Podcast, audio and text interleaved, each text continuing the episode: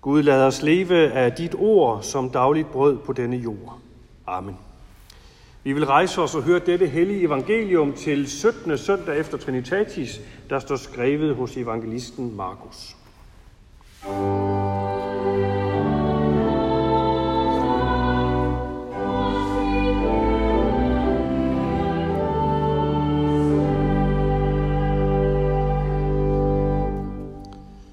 Da Jesus gik videre, så han Levi, Alfæus' søn, sidde ved tolvboden, og han sagde til ham, følg mig. Og han rejste sig og fulgte ham. Senere sad Jesus til bords i hans hus, og mange tollere og syndere sad til bords sammen med ham og hans disciple, for der var mange, som fulgte ham. Da de skriftkloge blandt farisæerne så, at han spiste sammen med syndere og tollere, spurgte de hans disciple, Hvorfor spiser han sammen med tollere og syndere? Men da Jesus hørte det, sagde han til dem, De raske har ikke brug for læge, det har de syge. Jeg er ikke kommet for at kalde retfærdige, men syndere. Johannes' disciple og farisæerne holdt faste. Der kom der nogen til ham og spurgte, hvorfor faster Johannes' disciple og farisæernes disciple, men dine disciple faster ikke? Jesus svarede dem, kan brudesvendene faste, mens brudgommen er sammen med dem? Så længe de har brudgommen hos sig, kan de ikke faste. Men der kommer dage, da brudgommen er taget fra dem, og den dag skal de faste. Ingen sætter en lap af ukrømpet stof på en gammel kappe, for så river den nye lap det gamle i stykker, og hullet bliver værre. Og ingen fylder ung vin på gamle lædersække, for så sprænger vinen sækkene, og både vin og sække ødelægges. Nej, ung vin på nye sække. Amen.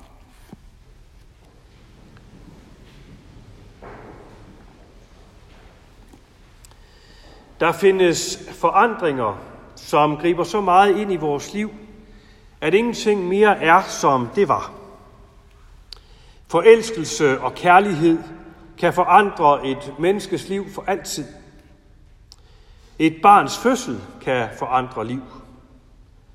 Sorg og savn på samme måde.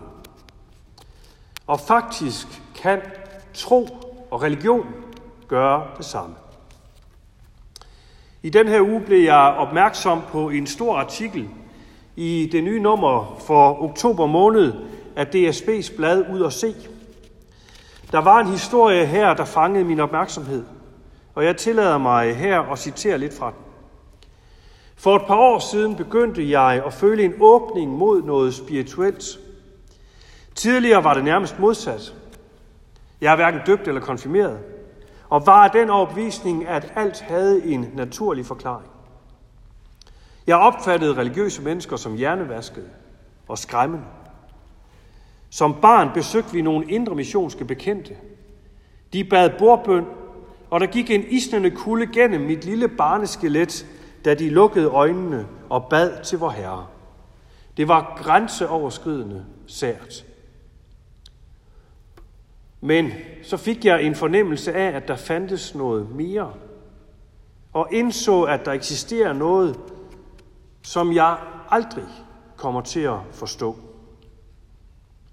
Den accept gjorde, at jeg åbnede mig og begyndte at tænke over det. Og for et år siden besluttede jeg at blive døbt. Ordene her er Kasper Christensens. Kongen af nyere dansk comedy.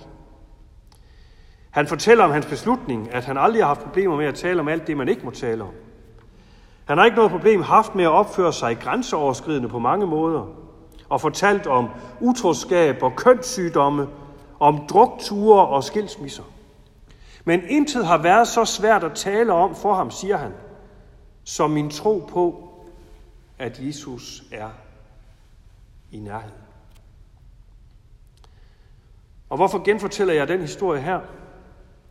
Ja, det gør jeg, fordi Kasper Christensen omtaler det her som en sindssyg transformation for ham. Altså som noget, der har ført en gennemgribende forandring ind i hans liv.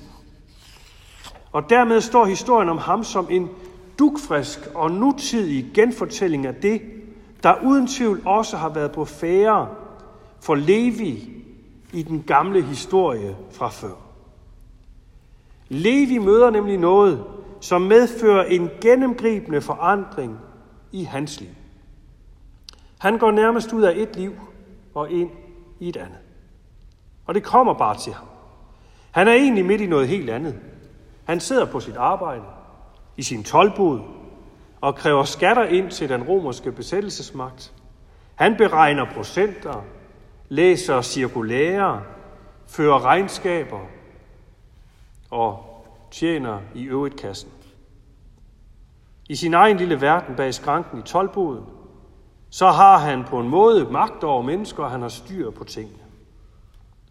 Så alt er i den skønneste orden, da Jesus kommer forbi.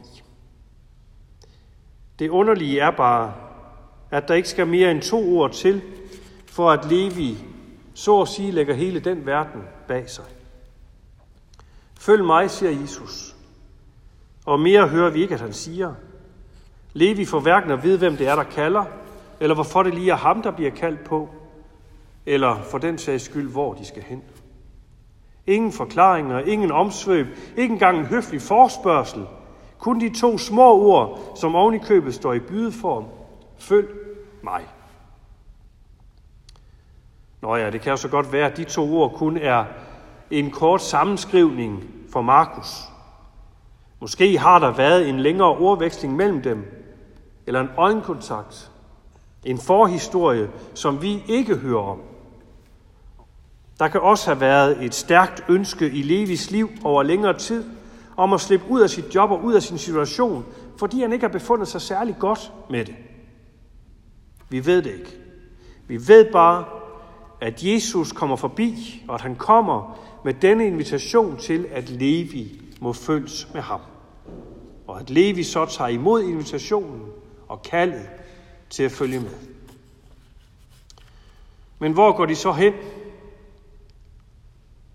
Ja, man kunne tro, at Jesus straks ville tage Levi med ud af byen, ud i verden, ud på nye eventyr. Men det gør han bare ikke. Faktisk er det i første omgang Jesus, der følges med Levi. Jesus tager nemlig med Levi hjem. I første omgang er det der, de skal hen. Ind i den stue og ind i den tilværelse, som Levi kender ud og ind. Og der sidder de så side om side hjemme i det liv, som vi troede Levi lige havde lukket døren til. Og så sidder der samtidig en masse andre. Mennesker, som ikke rigtig bliver regnet for noget, og som mange ikke vil bryde sig om og omgås. Og her er der så nogen, der ser noget radikalt nyt. Nogle af dem, der kommer forbi huset, undrer sig over det, de ser, og de spørger, hvorfor spiser Jesus mund sammen med tollere og syndere? De møder til synlande her en åbenhed, de ikke har set før. De ser, at Jesus hænger ud med dem, som ingen andre har noget til overs for. Ja, han fester oven i købet med dem. Og heri ser de noget helt nyt. Et fællesskab, som ikke lukker nogen ude. Et fællesskab, som inkluderer alle os dem, vi ikke ville have lukket ind. Og Jesus giver selv en helt naturlig forklaring på, hvorfor det er sådan. Han siger, at det er præcis som det er i venteværelset hos lægen. Her kommer nemlig kun dem, der har brug for lægehjælp. Det er jo sådan, det er. Det er kun de syge, eller dem, der er bekymret for at være det, der går til læge. Og det er et billede, der forklarer os, hvad det med Jesus i virkeligheden går ud på. For det at høre Jesu invitation til at følges med ham, og det at tage imod hans åbne og udstrakte hånd til at følges med ham, gør man kun, når man mærker længslen og behovet for det. Jesus opsøger og inviterer vidt og bredt, men det er kun dem, der mærker nøden indeni, der tager imod invitationen. Derfor ser man, at kristendommen udbredes blandt dem, som har mærket på egen krop, at de ikke kan klare sig selv. Og det her har ikke en snus med det ydre at gøre. For en hotshot som Kasper C kan jo udadtil se ret succesrig og flyvende ud, selvom der indeni alligevel godt kan bo en dyb længsel efter åndelig lægedom. Og omvendt kan den usleste og fattigste landevejsrider bære på både stolthed og hovmod indeni, der gør, at Jesu invitation ingen relevans har. For sagen er, at kristendommen netop udbredes blandt dem, som inderst inde har oplevet grænsen for deres egen formåen, og som længes efter noget, der kan overvinde den grænse. Det er præcis derfor, Jesus i dag sidder i Levis hus sammen med en masse andre, som er i samme båd og som også kender til nød og fattigdom indeni. Og det er det første glimt af det tindrende nye, som Jesus har kaldet Levi til at være med i. Og det er kun begyndelsen. I årene derefter, mens Levi følger efter Jesus ud af Kapernaum, ud på vejene og ind i byerne, der folder det her nye sig langsomt ud. Der midt for Levis undrende øjne, mens blinde begynder at se, døve begynder at høre, og lamme begynder at gå.